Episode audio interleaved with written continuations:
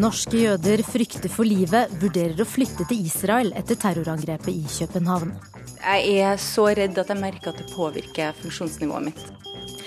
Han sa han hatet jøder. I dag vil Ali Chisti drepe fordommer. Det å skille mellom staten Israel og være antisemitter, altså det å være skeptisk jøde, det er, altså det er to vidt forskjellige ting, da. Uten penger ville ikke Norge tatt så mange gullmedaljer, mener Aslak Sira Myhre. Feil, sier sportskommentator. Vi er rett og slett bare best. Velkommen til ukeslutt. Jeg heter Rima Iraki, og i denne sendingen skal vi også en tur til Mars. Norske Robin Ingebrigtsen konkurrerer om å vinne en enveisbillett til den røde planeten. Men først så skal vi få en nyhetsoppdatering ved Eli Bjelland. 15 personer har meldt fra til Økokrim om datingsvindel for nesten 16 millioner kroner etter Brennpunkt-dokumentaren denne veka. Dokumentaren viste at mange blir lurte for store summer etter å komme i kontakt med svindlere på internett. Økokrim mener mørketallene er store, og tror flere titusen kan være råka av datingsvindel i Norge. Politiet ber om hjelp fra publikum etter et brutalt ran i en enebostad på Vinneren i Oslo i går kveld. Minst to ranere tok seg inn i huset til et eldre ektepar og trua dem med en pistol. Ekteparet ble holdt fanga i over en time. De er ikke fysisk skadde, men sterkt prega etter ranet, ifølge politiet. I Jemen er en demonstrant skutt og drepen i sammenstøyta med den sjiamuslimske Houthi-militsen. Det har vært omfattende protester i landet etter at militsen tidligere denne måneden opplyste nasjonalforsamlinga. I dag ble den avgåtte presidenten Abdrabbo Mansour Hadi sett fri fra husarrest. Kjersti Stenseng blir innstilt som ny partisekretær i Arbeiderpartiet. Det skriver Dagens Næringsliv og Oppland Arbeiderblad. Etter det DN erfarer, er det langt på vei semje i valgkomiteen om å innstille Stenseng som etterfølgeren til Raimond Johansen. Den nye ledelsen i Arbeiderpartiet blir valgt på landsmøtet i april.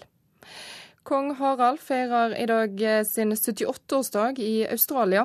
Kongeparet starter statsbesøket i Australia mandag, men har allerede kommet til landet, ifølge Slottet. Det er ikke kjent hvordan kongen skal feire bursdagen. Og nå holder ukeslutt fram, der det blir mer om frykta blant norske jøder. Jeg tror vi må ha den nøkternheten at et sånt angrep av ulik type kan skje i Norge. Det er viktig at vi ikke hver dag lever og tenker på at det kan komme til å skje, for da har terroristene vunnet at til tross for denne oppfordringen fra statsminister Erna Solberg, kan ikke norske jøder lenger ignorere frykten. Etter angrepene i København for nøyaktig en uke siden, forteller flere at de nå vurderer å flytte til Israel.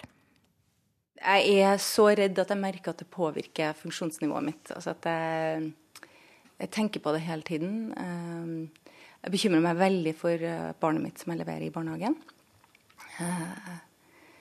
Eh, jeg syns det er fryktelig vondt å levere henne når det står uh, menn med maskinpistoler utenfor, selv om det er med politi som skal passe på oss. Kristin Ler og jeg står på toppen av Bergstien i Oslo og ser ned på synagogen midtveis i den bratte bakken. Hun med den vesle datteren på armen, som skal tilbringe dagen i den jødiske barnehagen. Når jeg bruker å levere, så lar jeg henne aldri løpe ned foran meg.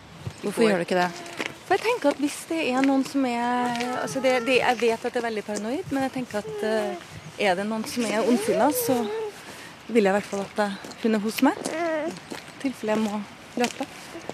Vi ankommer før politiet denne morgenen, men snart er også de på plass. Med maskingevær hvilende over magen. De forholder seg vel til åpningstidene her, da. Det, det forstår jeg jo at de gjør. Ler er lege og psykiater, men hun vegrer seg for å snakke om egen frykt. Men nå begynner hun å få nok. Når denne bygningen ikke er sikra på den måten som den kan være sikra på, så lurer jeg på om jeg egentlig gjør noe som er forsvarlig overfor barnet mitt. Det må gå. Vil du at vi skal gå inn i barnehage? Ja. Ja. Det skal vi straks gjøre. Så skjedde det igjen. Nærmest en blåkopi av angrepene i Paris for en drøy måned siden. Et dobbeltangrep der synagogen var mål nummer to. 37 år gamle Dan Usan, synagogens egne ubevæpnede vakt, reddet antagelig mange liv da kulene til en unge gjerningsmann traff ham. København er nærme. Veldig nærme. Daniel Kohn kjenner menigheten i Danmark godt. København var hos oss følte jeg. Også fordi jeg vokste opp med København som søstermenighet. Her utenfor porten til synagogen i Oslo ligger blomsterbuketter fra folk. På den ene siden så er det veldig hyggelig å ha politi her. Samtidig så er det, er det jo ekkelt. Jeg burde ikke hatt behov for politiet. Eh, I hvert fall ikke med maskingevær. Det er også ekkelt. Eh, og så har jeg nå en treåring som eh, ja, som begynner å stille spørsmål til alt. Og jeg gruer meg litt til å prøve å forklare hvorfor politiet står her. Hvorfor er det ikke politiet alle andre steder? Hvorfor er det bare politi hos oss? Kohn sier han ikke vil gi etter for frykten, men også familiefaren begynner å få nok. Han vurderer å flytte fra Norge. Eh, Israel er selvfølgelig et alternativ for oss, eh, selv om majoriteten av menigheten her er ikke, det er ikke sånn at vi, vi hører når Netanyahu roper 'kom hjem'. Det er for oss ikke naturlig. Eh, helt virkelig ikke. Men selvfølgelig Israel er garantisten, da. Fordi vi er norske. Det er her vi vil være. Vi er tilfeldigvis jøder i tillegg, men, men, eh, men, vi er ikke israelere. Det er et annet samfunn. Angrepene i både Paris og København har blåst liv i debatten om radikalisering av unge muslimer. Men vi tråkker veldig feil dersom det blir eneste fokus, mener Ler. Vet du, Jeg har forferdelig vondt for å kalle dem muslimske menn og si at de er muslimske. Det, det, det blir helt feil. Eh, ja, de kommer fra den religionen opprinnelig, men, men altså det er en avart. Det er en eh, fundamentalistisk eh, retning, og det har vi i alle religioner. Selvfølgelig er det, er det, de fundamentalistene er redd, for de, de er klin gærne. Og de opererer som enkeltpersoner, og opererer med at de gjør det riktige. Jeg er redd for strømningene, de antisemittiske strømningene i samfunnet. Jeg er redd for at vi ikke klarer å sortere på hva som er hva. Men eh, jeg er ikke redd muslimer. Det er jeg ikke. Flere jeg snakker med, uttrykker glede og takknemlighet over initiativet fra en gruppe unge muslimer om å slå ring rundt synagogen denne lørdagen. Jeg er veldig glad i går da jeg så dette slå ring rundt synagogen-initiativet. Det, ja, det, det varmet veldig med så mange av mine venner på Facebook som har blitt veldig, veldig glad over det. Forhåpentligvis er initiativet et frø som kan vokse og skape tillit og samhold på tvers av religiøse og politiske skillelinjer. Men foreløpig er tilværelsen utfordrende for mange norske jøder. Og den har vært det lenge. Ikke alle vil la seg intervjue, men de forteller om barn som ikke tør å sove fordi de har mareritt om at de blir skutt i hodet. En familiefar som har vært aktiv i jødisk menighetshverdag hele livet, vil være anonym av hensyn til barna. Han forteller følgende. Sønnen min sliter med å være jøde. Flere ganger i uken blir han urolig og får ikke sove. Ligger i sengen og finner ikke roen. Tanker om at de kommer og tar oss. De eneste gangene hvor han er helt rolig på natten, er når vi er på ferie eller overnatter hos en ikke-jødisk venn, for da er det jo ingen som vet at her sover en jødisk gutt. Vi ønsker ikke å la oss true til taushet eller å undertrykke vårt jødiske liv, men det er lettere sagt enn gjort. Det sies at vi ikke skal være redde. Når skal vi da få lov til å være redde? Alle jeg kjenner har endret sin oppførsel gjennom årene. Som ungdom gikk jeg med kippa på gaten i København, hver dag. På skolen, i toget, i butikker. Tok den av om vi skulle på byen lørdag kveld, men det var ikke egentlig av frykt, men for å slippe situasjoner med fulle folk. Min kone gikk i mange år åpenlyst med davidsstjerne om halsen, den er nå godt pakket vekk under bluser og skjerf når vi er ute. Vi har ikke endret våre profilbilder på Facebook, for eksempel til Je suis juif, ikke av frykt for egen sikkerhet, men for ikke å risikere å skape ubehageligheter for våre barn. Var det den du skulle se på? Nei, den andre. Den? Ja. Okay. Hjemme hos Kristin Ler har datteren funnet seg til rette ved kjøkkenbordet. I denne familien er det ikke naturlig å bære religiøse symboler. Men det skal ikke så mye til, har erfaring vist. Jeg lar ikke barna mine gå med T-skjorter fra USA med davidsstjerner på. Fra når de har vært på sommerleir, f.eks. Det, det gjør jeg ikke. Fordi eh, jeg vet at de kan få ganske kraftige kommentarer. I beste fall. Også familien Ler vurderer å flytte til utlandet. For det å føle seg trygg handler om mye mer enn å sikre synagogen. Men så lenge det mest dyrebare hun har, skal oppholde seg der daglig, er det ekstra viktig nå. Men det er folk som har skutt på oss allerede. Det, had, det skjedde i 2006. Det var ingen som omkom, for det var ingen i synagogen. Jeg, jeg opplever at det, eh, uten å sikre menighetshuset forsvarlig, ut ifra den realiteten vi lever i, så ber de oss om å kjøre bil med barna våre uten bilbelte. Men politiet mener kvartalet er sikret godt nok. Det var vurdering, ja. Tore Soldal er fungerende visepolitimester i Oslo. Bekymringen er jo hva skjer når politiet forsvinner? Hva kan du si til det? Ja, Politiet vurderer jo trusselen til enhver tid basert på de vurderingene som kommer fra eh, PST. Og vi trapper jo ikke de ned uten at vi vurderer at eh, det er uproblematisk. Noen mener at Bergstien burde vært fullstendig stengt for trafikk. Og særlig da når ikke dere er der til å vokte gata i begge ender. Hva tenker du om det? Gateeier er Oslo kommune, og, og fra 1.1 så er det Oslo kommune som har skiltmyndigheten. Eh, så det vil jeg ikke kommentere nå. Så du vil ikke si om det fra, ut fra et sikkerhetsperspektiv ville vært et godt tiltak? Nei, jeg vil ikke kommentere det. Tenker de at redsel er en eh, følelse som er der i repertoaret vårt, og det er en sikre overlevelse? Det er på et punkt nå hvor jeg vurderer å ta barnet mitt ut av barnehagen. Jeg har ikke lyst til å gjøre det, fordi da mister hun eh, noe veldig vesentlig. Hun mister følelsen av å være i flertall. Følelsen av å være normal. Følelsen av å ikke stikke seg ut. Den følelsen får hun aldri igjen. I det øyeblikket hun kommer i skolen, så får hun aldri den følelsen igjen. Med mindre vi flytter til et sted hvor det er mye mer jøder. Reporter var Elisabeth Onsum. Ukeslutt har invitert justisminister Anders Anundsen for å svare på hvordan han skal sørge for at jøder blir tryggere i Norge, men han hadde ikke anledning til å komme. Men det hadde du, Ali Chisti. Du har tidligere stått frem som jødehater. I dag skal du slå ring om synagogen i Oslo. Hva har skjedd med deg? Nei, altså jeg har eh, jo som sagt jeg har lest meg opp om islam. Jeg har eh, reflektert, fundert, drøftet jeg er blitt utfordret på mine tanker. Eh, og jeg, jeg, har jo egentlig alltid vært veldig engasjert i Palestina-Israel-konflikten. Og, og, jeg er veldig opptatt av å Jeg har skjønt det der at det å skille mellom staten Israel og eh, å være antisemitt, altså det å være skeptisk jøde, det, altså det er to vidt forskjellige ting, da. På et møte på Litteraturhuset i Oslo i 2009 så forklarte du hvorfor du hatet jøder. Jeg var til stede, og jeg hørte deg si, og jeg siterer, jøder er en liten gruppe, men vi vet at de har mye makt. Og du mente også at det var mistenkelig mange jøder borte fra jobb ved World Trade Center eh, den 11. september. Hvor var det du fikk dette fra?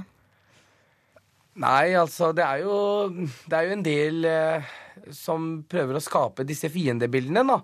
Eh, som prøver å spille på disse fiendebildene om at eh, eh, å skape hat, avstand mellom jøder og muslimer og den type ting. Jeg vet ikke helt hvor jeg fikk det fra, men det, var, det er Hadde du hørt det av noen andre? og du leste på nettet? Det var vel noe som gikk snakk om blant unge mennesker, og ja, jeg tror det var noe bare jeg fanga opp, liksom. Ja, på nettet, eller ja, hvor det skulle være, da det er nettopp det. Altså, det som er poenget mitt, er at jøder er ingen homogen gruppe. Det er veldig mange eh, oppriktige, hyggelige jøder jeg har møtt, eh, faktisk i senere tid. Eh, og så det, finnes det selvfølgelig jøder, som alle andre mennesker, som for eksempel Altså er Altså, jøder er som helt ordinære alle andre mennesker, da. Men var det mange rundt deg som hadde de samme meningene som deg? Ja, altså Nei, altså det var ikke så veldig mange som hadde de meningene. Altså, jeg tror det, det var et veldig lite fåtall. Og, og så tror jeg at man påvirker hverandre, liksom, og spisser det litt ekstra for å provosere Altså når man blir isolert sånn som mange blir gjort, da, og så tror jeg at de vil provosere enda mer, liksom. Eh, og eh, dra strikken enda lengre, da. Men eh, nei, jeg, jeg, kan ikke huske at det var veldig mange som mente det jeg sa den gangen, da. Mm. Jeg tror ikke det er, det er noe utbredt tanker om eh, altså er, Antisemittisme er et muslimsk problem. da. Jeg tror at det er like mye et europeisk problem. Eh, og jeg mener at europeerne ikke har klart å ta et oppgjør med det eh, etter andre verdenskrig.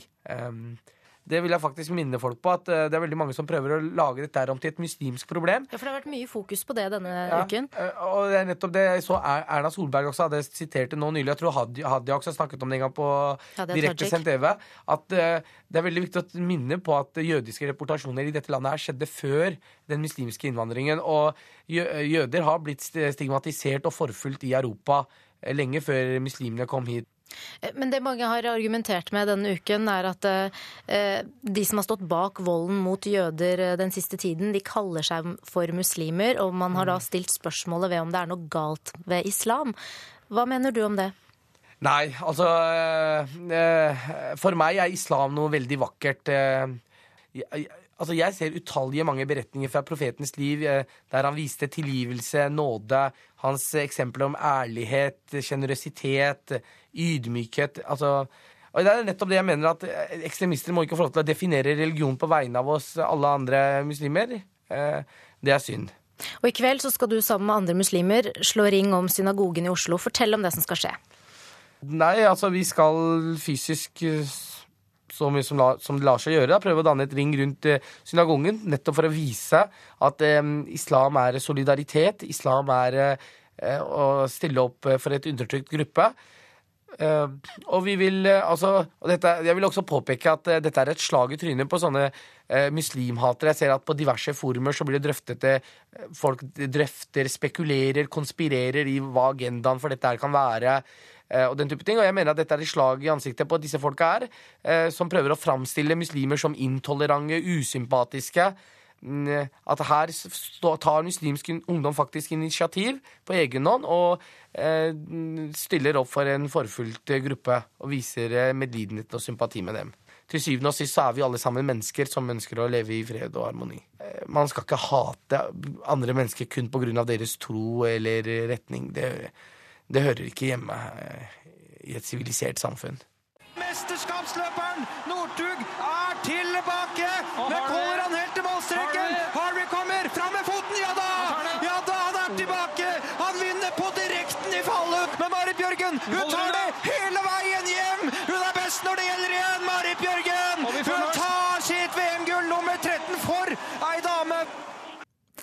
Det er ingen tvil, vi er best.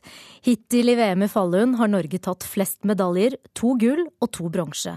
Og sånn er det stort sett alltid, vi er overlegne med ski på bena. Men Aslak Sira Myhre, direktør ved Nasjonalbiblioteket og tidligere leder for RV, du er bekymret du? Ja, jeg er jo det. For jeg er så enormt opptatt av langrenn. Jeg, langrennssporten er vel rett og slett den sporten jeg er aller mest opptatt av. Eh, og jeg er redd for ei framtid hvor eh, internasjonal langrenn ender opp nesten som et norsk mesterskap. Og jeg er redd for at Norge bidrar til det på en del måter. Ja, På hvilken måte da? Det ene er at langrenn er i ferd med å bli en pengesport. Det merker du hvis du bor på Korsvoll og skal kjøpe utstyr til ungene dine, og det merker du i internasjonal langrenn. Eh, og Norge er et rikt land. Eh, Norge etablerte seg som verdens beste nasjon i herrelangrenn rundt 1991 i VM i Val di Fiemme. Bjørn Dæhlie og Vegard Ulvang tok tilbake et norsk hegemoni fra bl.a. Sovjet og Sverige.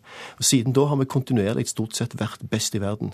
Men parallelt med at vi ble best i verden og klarte å holde dette i 25 år, har Norges økonomi bare gått rett i taket. Mens Sovjet, som vi konkurrerte med, har forsvunnet, og idretten i Russland var kaos. Og Sveriges økonomi har gått nedover.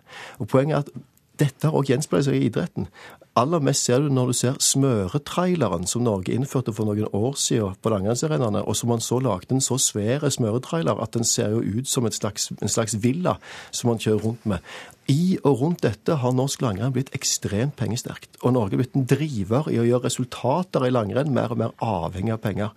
Men hva er problemet med at vi er best? Det er ikke noe problem med best. Du kan ikke klandre en idrettsutøver for å gå fort på ski eller ville vinne. Det er ikke det dette handler om. Det handler om at idretten som sådan så har Norge en rekke naturgitte forutsetninger. Vi er, har flest utøvere, vi har den største bredden, vi har snøen, og vi har pengene. Og så spørsmålet forvalter vi det på en måte for å sikre at vi har noen å leke med, eller ender vi opp alene. Og så I tillegg til det så opptrer vi av og til ganske ekkelt.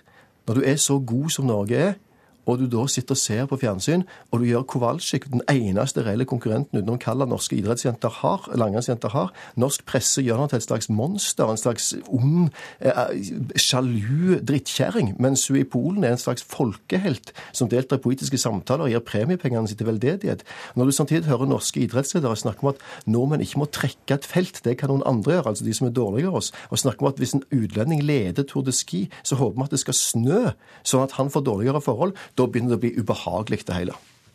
Esten Osæter, kommentator i Dagbladet. Vi er blitt for arrogante. Er du enig i det?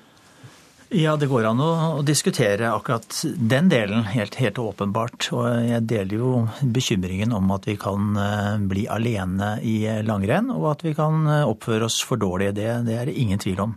Men forklaringsmodellen, eh, den er ikke så veldig god. Og jeg syns det er veldig interessant å se på den, fordi fordi jeg tror at vi eh, ved å skjønne hva er det som gjør oss så bra i langrenn, så kommer vi til å være gode i langrenn på en fin måte. Ja, Hva er det som gjør oss så gode? Eh, først og fremst så er det fordi vi har hatt en noenlunde ålreit eh, politikk når det gjelder å få folk til å bo på landet, altså i hele landet.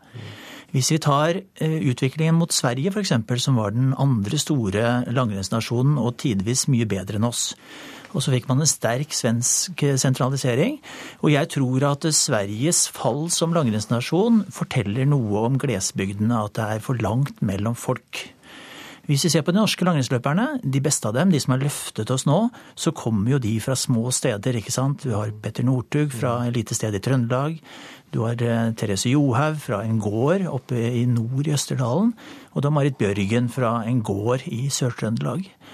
Eh, og det at vi har en ordentlig eh, distriktspolitikk, tror jeg er helt avgjørende for at vi gjør det godt. Men du mener ikke at vi har kjøpt eh, gullmedaljer? Nei, vi har ikke det. Så penger er ingenting jeg å si? jeg tror toppingen blir veldig perifert i dette spørsmålet. her, sånn, fordi den siste glideren den har faktisk både tyskere, russere og japanere. Og når vi snakker om penger, så er det enda mer penger inn i russisk langrenn, som jo nå er, eh, som er oljefirmafinansiert, og hvor det ikke mangler noen verdens ting. Og Kowalczyk, som er en helt fin jente, hun har en finansiering som er like sterk som de norske jentene hun konkurrerer mot. Sier Myhre, andre har også penger. Nei, det er ikke sant. Eh, Andre er ikke i nærheten av våre budsjetter, selv ikke engang russerne. Men det som er riktig, syns Estens forklaring er Jeg jeg er helt enig med Esten, det er viktig. Jeg syns det Esten sier er veldig interessant. Men det det ikke forklarer, det er smøretraileren. Eh, Hvis vi går og ser på mesterskap etter mesterskap, så vil vi finne at det er ulike miljøer som ligger foran rent smøringsmessig. Eh, Vi misset i eh, OL i fjor, på i hvert fall noen dager.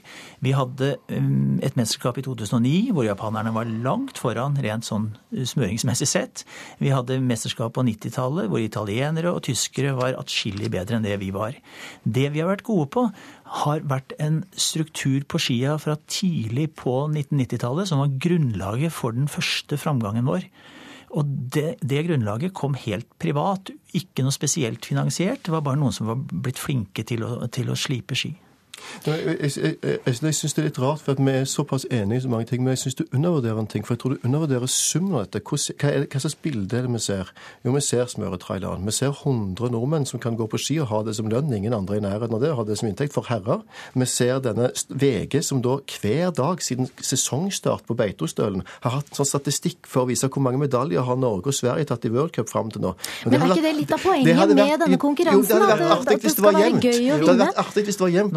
Mens det er 88-11.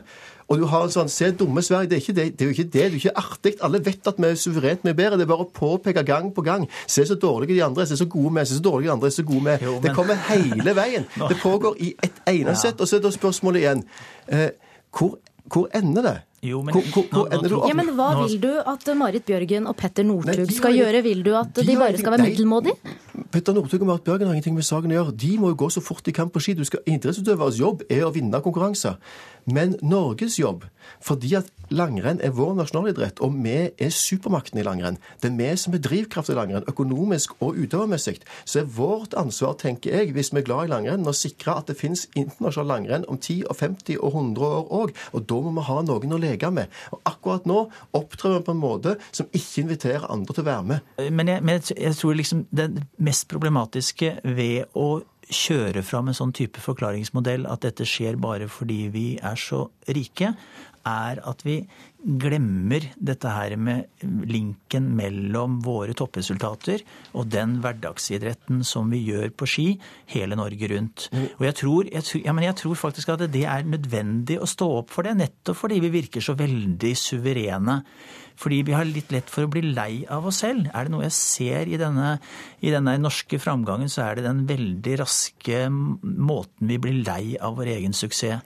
Og da gjelder det å ta vare på det som er godt i den suksessen, og stå opp mot det som er dårlig. Så du mener at vi rett og slett bare er født med ski på beina? Nei, men bare det liksom at vi ikke klarer å akseptere hvor ekstremt god en Marit Bjørgen er. ikke sant? Altså, Vi ler litt av det, fordi at hun har ikke Nei, det gjelder ikke deg nødvendigvis. Men, men eh, vi syns at det er latterlig, for hun har så liten konkurranse. Men Marit Bjørgen er på et nivå som ingen kvinnelig skiløper noen gang har vært i nærheten av. Ja, dette vil jeg bare ha meg frabedt. Marit Bjørgen er en fantastisk idrettsutøver. Eh, Aslak Syre Myhre, Norge er et lite land. Vi betyr lite i internasjonal eh, sammenheng. Kan vi ikke da bare få lov til å være en supermakt i skisporet? Vi er en supermakt i skisporet uansett hvordan vi snur og vrir på det. Spørsmålet om vi skal være en supermakt alene. Og Norge må ikke bli sånn som han gutten som sto alene på fotballbanen med en ball under armen som ikke skjønte hvorfor ingen ville leke med han. Det var fordi at han ikke delte ballen. Og da sier jeg takk til deg, Aslak Syra Myhre, direktør ved Nasjonalbiblioteket, og Esten Osæter, kommentator i Dagbladet. Du hører på Ukeslutt på P2. Følg med, så får du mer av dette. Er det du som er ny programleder i Nytt på Nytt? Vi spurte kjendisene. Hør hva vi fikk til svar. Og godtroende nordmenn sender millioner til nettkjærester som ikke finnes. Tragisk at folk aldri lærer, sier Google-sjef.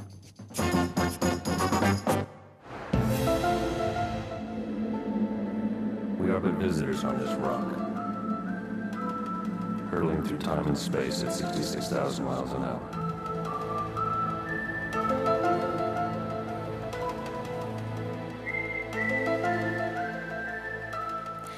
Vi skal til en helt annen planet, nærmere bestemt Mars.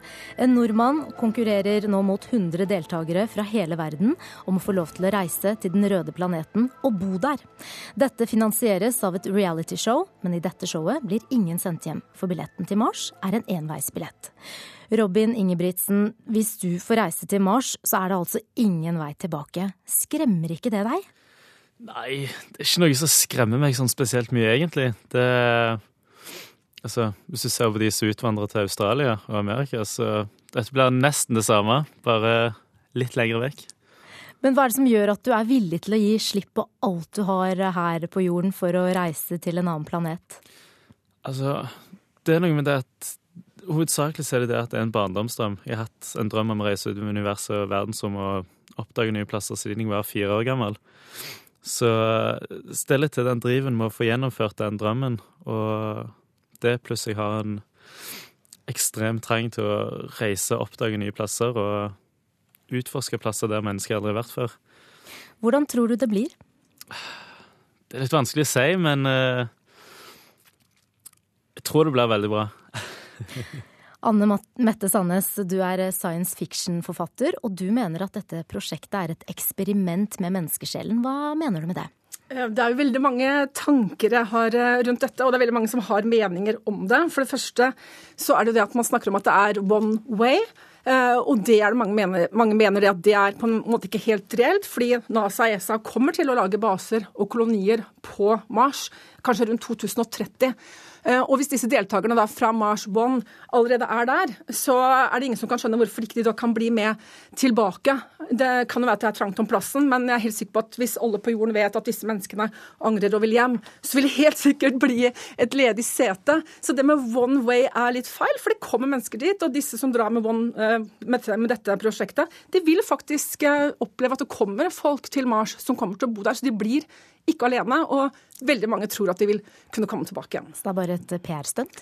Ja, i likhet med veldig mange andre. Jeg reiser jo rundt i Norge med mannen min og snakker om astronomi, og veldig mange mener at dette er et PR-stunt. Ikke minst fordi på nettsiden deres så står det også uh, in, a, in a thousand years, everyone on earth will still remember who was the first humans on Mars. On Mars. Og da føler jeg veldig at det er veldig fokus på navnene. Og hvis det er sånn at det er veldig mange unge mennesker, jeg har forstått det er mulighet til å ta feil, men at det er veldig mange unge, så føler man spiller litt på det at du kan bli en av disse, eller at du kan gjøre det. Jeg drømmer også om å reise, akkurat som Robin. Jeg syns det er fantastisk at unge mennesker vi drømmer om å komme til f.eks. til Mars eller andre steder. Jeg personlig drømmer jo om da å gå under skydekket på en fjern ekstraplanet, og jeg tenker på det hver dag mer enn folk tenker på hva de skal til middag. Det er jeg helt sikker på. Og det er en fantastisk følelse. Men du mener at mange av disse her er ekstremt oppmerksomhetssyke? Nei, det tror jeg. jeg tror, altså, Robin, altså Rogalendinger er jo de mest sindige menneskene. Jeg har bodd i Stavanger i ti år, altså. Er, og han høres utrolig, utrolig, hyggelig ut og tenker sikkert veldig gjennom dette. Men, uh, men jeg føler kanskje at jeg så et, for et opptak fra en jente fra England som har blitt plukket ut. Og måten hun sa at jeg, jeg er villig, villig, til å gjøre dette for menneskene. Jeg er villig til å gjøre det. Men på en måte, for å være litt brutal, så er det ingen som har spurt dem om å gjøre dette. For Mars og ESA, eh, NASA og ESA skal jo ut dit i rundt 2030-2033. Så man skal ut dit, man skal sende profesjonelle folk dit som skal terraforme også planeten. Og det har jo lederen for dette prosjektet sagt at de ikke skal gjøre. Så det blir på en måte mest da, reality og forskning selvfølgelig også, da. Ingebrigtsen, hva sier du til denne kritikken? Nei, altså Først og fremst det med, med NASA, f.eks. At de, og NASA og ESA kommer til å reise til Mars. Ja, at de kommer til å få gjort det en gang, men NASA ser ikke å få gjennomført dette før nærmere 2050. Men det kommer an på si, finansieringen. Sant? De har veldig problemer med å få penger, eller få penger fra budsjettet. Uh, men uh, altså, utenom det Jeg Altså, men, er det, men, er det, smart å dra dit? Altså, det er jo ingen som kan gi noen garanti for hvordan det vil være der ute? Nei, altså, om det er smart å reise der På en måte så kan det være veldig veldig smart, og på en måte så kan det være det dummeste du kan gjøre. Eh, men altså, det kommer det, det er litt risk i absolutt alt du gjør. Eh, og jeg tenker, hvorfor skal vi ikke reise til Mars? Er, hvorfor skal vi ikke bosette oss der? Hvorfor skal vi ikke få gjort det så raskt overhodet mulig? Men hvorfor ikke retur? Hvorfor, hvorfor Denne organisasjonen eh, det er en organisasjon som heter MIT, Massachusetts Institute for Technology. og De laget en rapport i oktober i fjor eh, hvor de lurte da veldig på altså For det første så påpekte man alle disse manglene med mat, utvide vann fra Marsoverflaten, og hvordan man skal klare å 3D-printing og printe deler, alle disse tekniske tingene. Men i tillegg så stilte de spørsmålet hvorfor skal man sende fire personer ut hvert annet år? Hvorfor kan man ikke sende noen tilbake igjen? Hvorfor er det så vanskelig da? Så, så liksom, Det er jo en mulighet for å gjøre det. Og hvis pengene er et problem, ja, så burde man kanskje vente til man hadde pengene. Hvis jeg ikke har råd til en tur til Fort Lauderdale, og så må jeg spare til å ha råd til en tur-retur Fort Lauderdale. Så da, istedenfor å sende disse ungdommene ut bare one, med tanke på one way, så kan man faktisk bruke penger på å sende noen av dem hjem igjen, eller bytte ut med andre. Men mange av disse ungdommene, eller unge menneskene, de vet jo hva de er med på. Er det ikke viktig at noen ofrer seg for oss andre? Men hvor mye ofring er det når NASA og ESA likevel skal ut dit? Eh, og det er jo det med drømmer. Jeg blir litt sånn skremt av drømmer. For jeg er en drømmer eh, sjøl, og jeg drømmer mye. Da jeg var 17-18, så drømte jeg om å komme til USA. Jeg ble plukket ut blant 1000 ungdommer som åtte personer. Eh, og jeg dro til USA, og jeg hadde sekser i engelsk og S fra ungdomsskolen og var virkelig en Amerika-fan. Men jeg kom dit og fikk fullstendig hakeslepp. Det var ikke det jeg hadde forventet. Så jeg angret etter noen dager, og hadde ikke så veldig bra opphold, egentlig. Så det man drømmer om, er ikke alltid det man uh, tror. Man, man, vet faktisk ikke hva som skjer med mennesker når de reiser ut i verdensrommet. Og ikke engang, altså Kanskje fra Mars så kan du jo se jorden, men man vet ikke hva som faktisk skjer med menneskene. Man har ingen erfaring utover ett år. Ingebretsen, hva er det som eh, gjør at du tror at du kommer til å trives på Mars? Altså, det er mye som gjør at jeg tror jeg kommer til å trives, først og fremst fordi jeg jeg klarer meg fint med veldig få mennesker rundt meg. Jeg har ikke noe problem med å være si, isolert. Og for det andre fordi det vil være en helt ny verden å utforske. Så klart, det er litt kjedelig der det er ørken, uh, men det forandrer ikke at det er, en helt ny si, verden. Og det vil bli gjort så ekstremt mye forskning, vi vil få svar på så ekstremt mange spørsmål som vi har.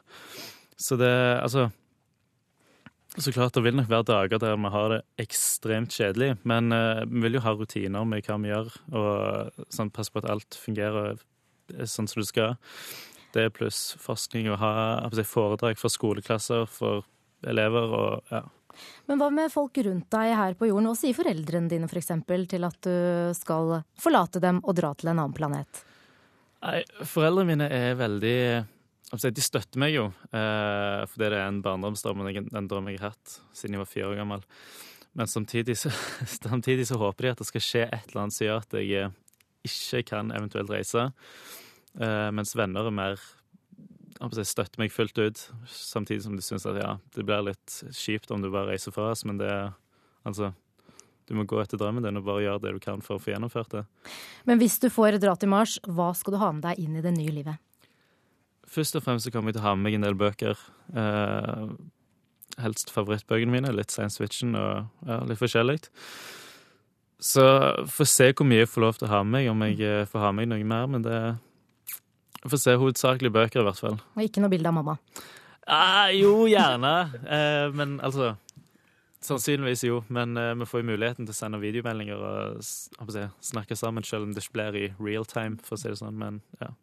Da ønsker jeg deg lykke til uansett hvilken planet du kommer til å leve på, og takk til dere begge for at dere var med i Ukeslutt.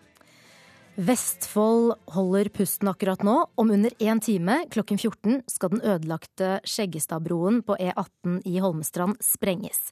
Og det er det sørgående løpet som må fjernes etter at broen knakk sammen tidligere denne måneden.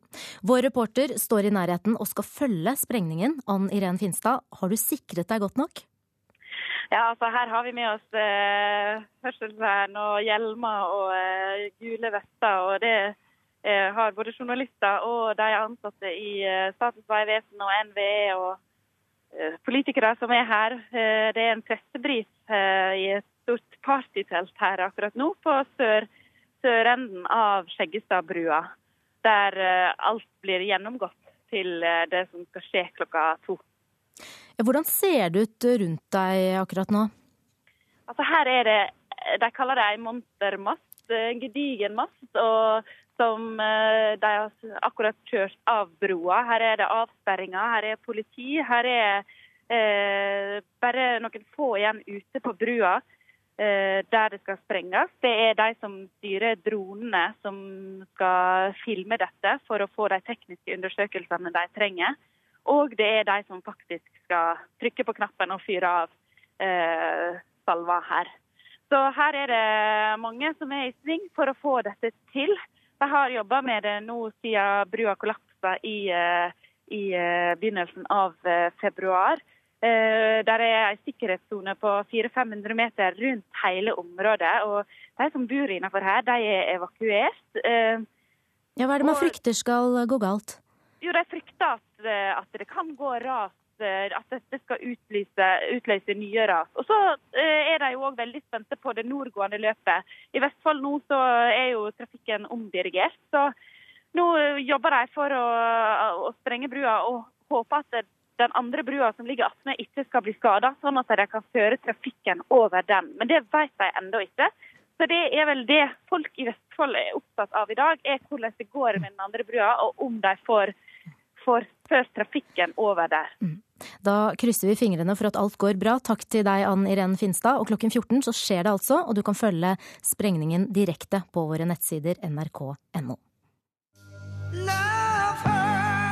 Det er jo det at en eh, må bo alene, da. At en skulle hatt en person i, i livet. Er du redd for å bli lurt? Du har jo litt i bakhodet, at du kan bli lurt. Det er en som har blitt lurt for åtte millioner. Der er en som er lurt for 2,5 millioner. Der er ei som er lurt for 4 millioner.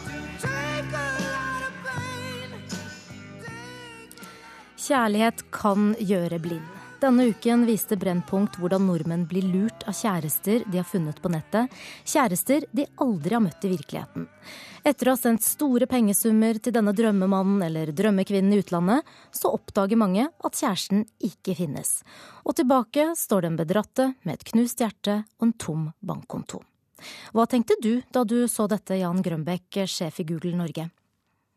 Dette er noe vi har sett i mange mange år. Det er en uh, litt raffinert form for Nigeria-spam uh, som har eksistert så lenge internett har eksistert. og uh, jeg tenkte at det er tragisk at ikke folk lærer, og at de ikke skjønner at når, folk, når, ting er for godt til å være sant, så er det faktisk for godt til å være sant.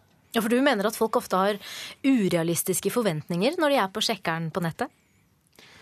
Eh, for å si det sånn, hvis du aldri har klart å sjekke opp en dame hjemme på lokalet før, så er det vel ganske usannsynlig at du plutselig skal klare å sjekke opp en en skjønnhet på nettet også. Så som sagt, er det for godt til å være sant, så er det for godt til å være sant. Nei, det, Nå er ikke jeg noen spesialist på akkurat det, men, men problemet er at vi, vi, ser jo at nordmenn i veldig stor grad lar seg lure, enten det gjelder løftet løfte om kjærlighet eller løftet løfte om lettvendte penger. Psykolog Kristin Spitsnogel, hva er det som får folk til å sende millioner til en kjæreste de aldri har møtt ansikt til ansikt? Ja, du vet at det her er jo med all tydelighet et eksempel i hvert fall for hvor utrolig langt vi mennesker er villige til å strekke oss i et håp om å få lov til å elske og bli elska tilbake. Eh, den er klar. Så kan man jo da spørre seg ikke sant, hvem er disse menneskene? ikke sant? Og Jeg bruker å si at haiene de går jo gjerne etter blod. Så er man litt sårbar og skadet, har man nylig kommet ut av et forhold, er man skilt, har man mistet noen, en som har litt vansker med å få det til å fungere på kjønnsmarkedet, så er man klart en, et lettere bytte. Men vi ser jo også en del forskning fra 2012 som viser at det er også absolutt oppegående folk med gode ressurser som, som klarer å ville seg inn i det her. Men det man ser at de har ofte veldig sånne såkalte høye idealer i forhold til kjærlighet. De tror på den eneste rette, og håpet om kjærligheten, eh, den, den, er der. Så man trenger ikke bare å være naiv, men også håpløse romantikere kan la seg lure, hvis man kan formulere seg på den måten? Ja da, det, det stemmer godt det. Og så kan man jo se på den uaktsomheten. Hva i all verdens slags eh, mekanismer som ligger bak en sånn irrasjonell risikoatferd som man ser at mange av de gjør. Men da kan man i hvert fall si at om det kan være til en viss grad formildende, så er de ganske så rusa på forelskelsen, mange av de. Når man er i en sånn tilstand, så er man fjula på en eh, god sånn liten cocktail av hormoner som vi vet eh, skal liksom på en måte eh, fasilitere tilknytningen. Så vi blir litt mer tillitsfulle. Vi blir litt sånn dopa på dopamin, og vi vil dette, så, så gjerne også forsvinner liksom dømmekraften litt nedi det der sluket. Så egentlig så kan det skje hvem som helst? Vel, jeg tror nok ikke det kan skje hvem som helst, men det er jo i hvert fall interessant å se på de mekanismene som ligger bak, sånn at man kan prøve å forstå hva i all verden dette handler om, og hva vi kan gjøre for å forebygge, i hvert fall. Mm. Grønbekk, eh, senest denne uken så fikk jeg en e-post der det sto Hei, jeg er en singel, pen jente. Jeg leter etter sex, og hvis du liker meg, så håper jeg at du vil skrive. Mye vil vente på svar. Vedlagt var et bilde av en vakker, tynn, blond, lettkledd og barmfager kvinne. Har du ikke litt forståelse for at noen vil eh, la seg lure og eh, bli med på dette? Nei, jeg har egentlig ikke det. For det, dette burde være så utrolig godt kjent for folk. At, uh, at si, uh, uærlige mennesker har utnyttet ny teknologi på denne måten i mange, mange år. Det har stått side opp og side ned i alle aviser. Så hvis man i det hele tatt har øynene åpne, så burde det være umulig å gå i den fella. Er du enig i det, Spitsnogel?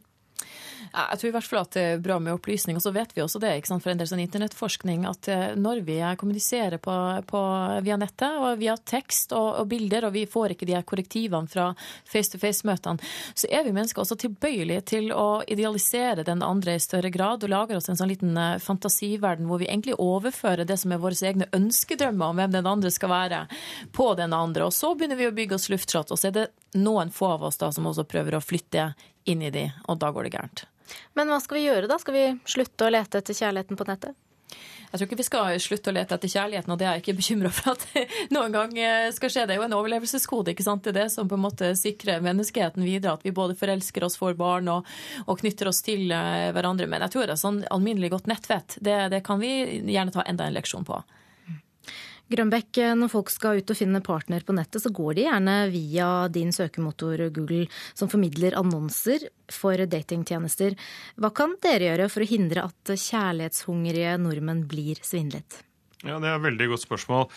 Eh, hvis vi oppdager at en datingnettjeneste i hovedsak formidler kan du si, eh, annonser av eh, tvilsom karakter, enten det er eh, at noe vi tror er svindel eller f.eks. prostitusjon eller andre ting, så blir det stengt ute. Da får det ikke lov å annonsere hos oss.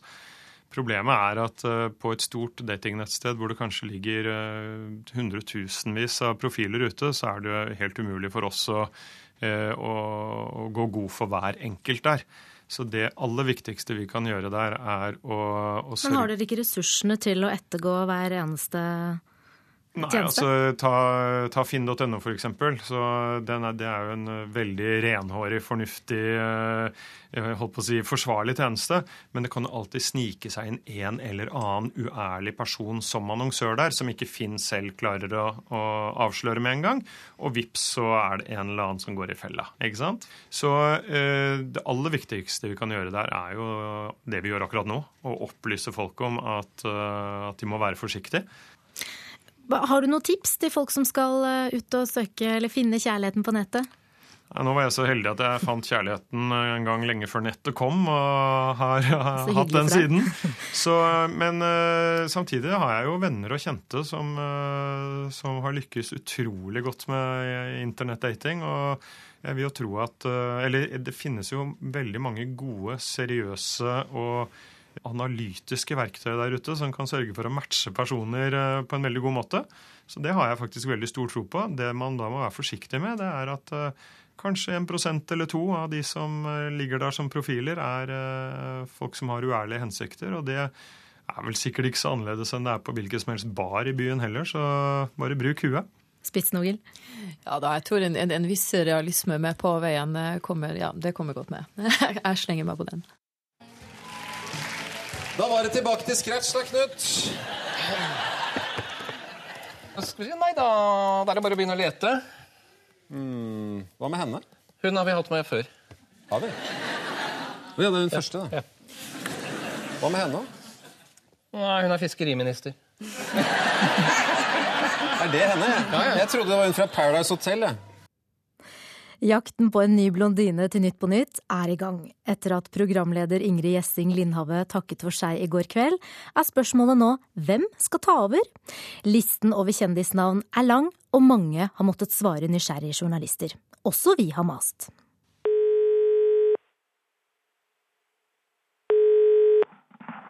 Hallo, det er Lene. Hei, Lene Kongsvik Johansen. Det er Sara fra Ukeslutt. Hei. Er det du som er ny programleder i Nytt på Nytt? nei. Nei. Det, det, kan jeg svare strungende nei. jeg får sånn elveblest bare ved tanken. Hva med deg da, Sjata Hilde? Er det du som er ny programleder? Vet du hva? Ja, det er det. Er det? Men det er bare et lite problem, da. Åh. Og det er det at ingen har spurt meg. Okay. Men altså, jeg vet at jeg hadde postet helt, jeg hadde postet så bra på dette her. Hva gjør du når NRK ringer? Hva, hva roper du i telefonen da? Jeg bare avbryter og sier ja med en gang. Før de har stilt spørsmålet ferdig. Tenk å sitte der, da. Å, herlighet, så morsomt. Hei sann, Cecilie Steinmannes. Hallo, hallo. Si meg, er det du som er ny programleder i Nytt på Nytt, eller? Er det det, eller? Ja, er det det? Eh, jeg vet ikke. Det ser jo ut som folket syns det hadde vært litt spennende. Jeg vet ikke om jeg er uh, blond nok. Det kan være meg. Ja, Det er ikke lett å vite hvordan man skal tolke svarene til kjendisene. Reporter Sara Victoria Rygg har fått hjelp av en unngå å svare på spørsmål-ekspert. Jeg må gå dypere inn i saken. Det er tidlig i prosessen. Her er det mange som skal komme med innspill. Eh, vi er en stor organisasjon, det er mange tusen mennesker som skal si sin mening. Og så er det denne klassiske 'ingen kommentar'. Det vil jeg anbefale folk å gjøre minst mulig, egentlig. For du kan uh, si noe uten å si noe også. For så vidt, altså. For ingen kommentar framstår Da framstår ofte mye muttere enn du egentlig er. Men det er for at jeg ofte er usikker på og redd for å si noe feil. Ok, Så da dropper vi ingen kommentar? Ja, jeg syns det. Ja. Er du ikke enig i det? Det er klart jeg er enig med deg, Trygve Slagsvold Vedum. Som politiker så er jo du ekspert på å unngå å svare på spørsmål. Ingen kommentar. Jau da, Martin Kolberg. Hør bare hvor flink Slagsvold Vedum er når han unngår å svare når NRK sin journalist vil vite om han blir ny leder i Senterpartiet. Jeg har grunnleggende sans for partidemokratiet. Og, og at vi kan ha gode prosesser der folk kan diskutere, veie synspunkt. og så skal da den prosessen eh, lede til at man velger en ny ledelse for partiet. Og han er ikke den eneste politikeren som kan dette.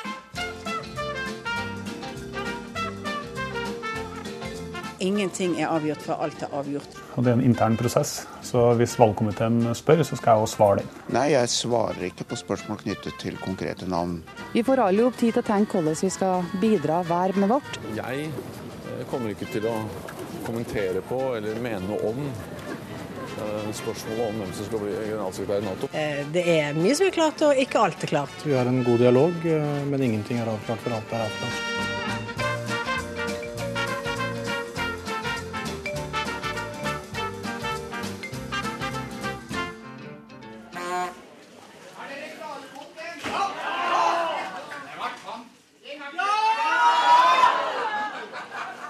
Publikum gjør seg klare til innspilling av Nytt på Nytt denne veka.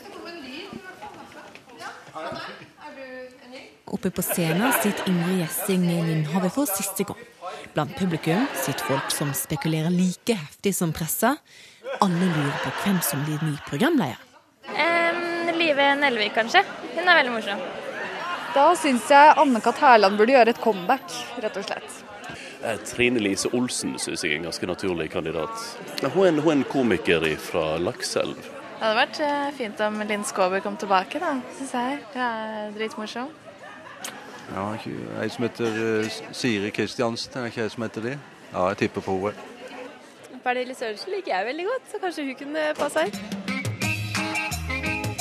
Uansett hvem den nye programlederen blir, så mener jeg unngå å svare på spørsmålekspert Trygve Slagsvold Vedum at personen godt kan spøke litt når journalistene ringer og maser. Vær lite selvhøytidelig. I hvert fall når det er Nytt på nytt som er tema, så syns jeg du egentlig kan spøke og le litt. og Kanskje er nesten erte litt journalisten noen ganger også. Kunne du ha gjort det når, du, når, det var spekulasjoner rundt om du ble Senterpartileder? Kunne du sagt sånn ja, kanskje det, vi får se. Nei. det kunne jeg ikke gjort. Det, der. det ville vært veldig lite autoritetsbyggende. Det er helt annerledes å være partileder enn å være medprogramleder i Nytt på Nytt. Jeg må bare sjekke, det er ikke du som er ny programleder, vel? Nei, det hadde, vært, det hadde vært veldig overraskende. Det hadde bare blitt uh, latterliggjøring av den forferdelige regjeringa hver gang. Men, og så kommer det fantastiske Senterpartiet med sine innspill. Nei, det, det tror jeg hadde gått dårlig. Jeg syns jo det Else Kåss Furuseth, da jeg, jeg, vet ikke om hun er spekulert på, men jeg syns hun er utrolig morsom. Hun er spekulert på, ja. Hun er det, ja? Mm. Ja, Da bidrar jeg til å spekulere på henne. Ja, så Dersom jeg ringer Else Kåss Furuseth og, og spurte hun om det var hun som var ny programleder for Nytt på Nytt, hva, hva burde hun ha svart da? Nei, Da må hun ta en sånn hyggelig tone og si det. Det er hyggelig å bli nevnt, og så får jeg la kringkastingssjefen bestemme.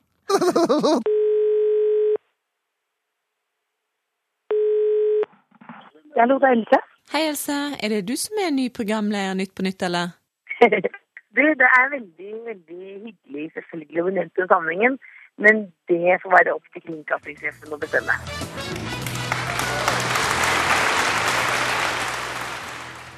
Ja, foreløpig er det Pernille Sørensen som leder på meningsmålingene.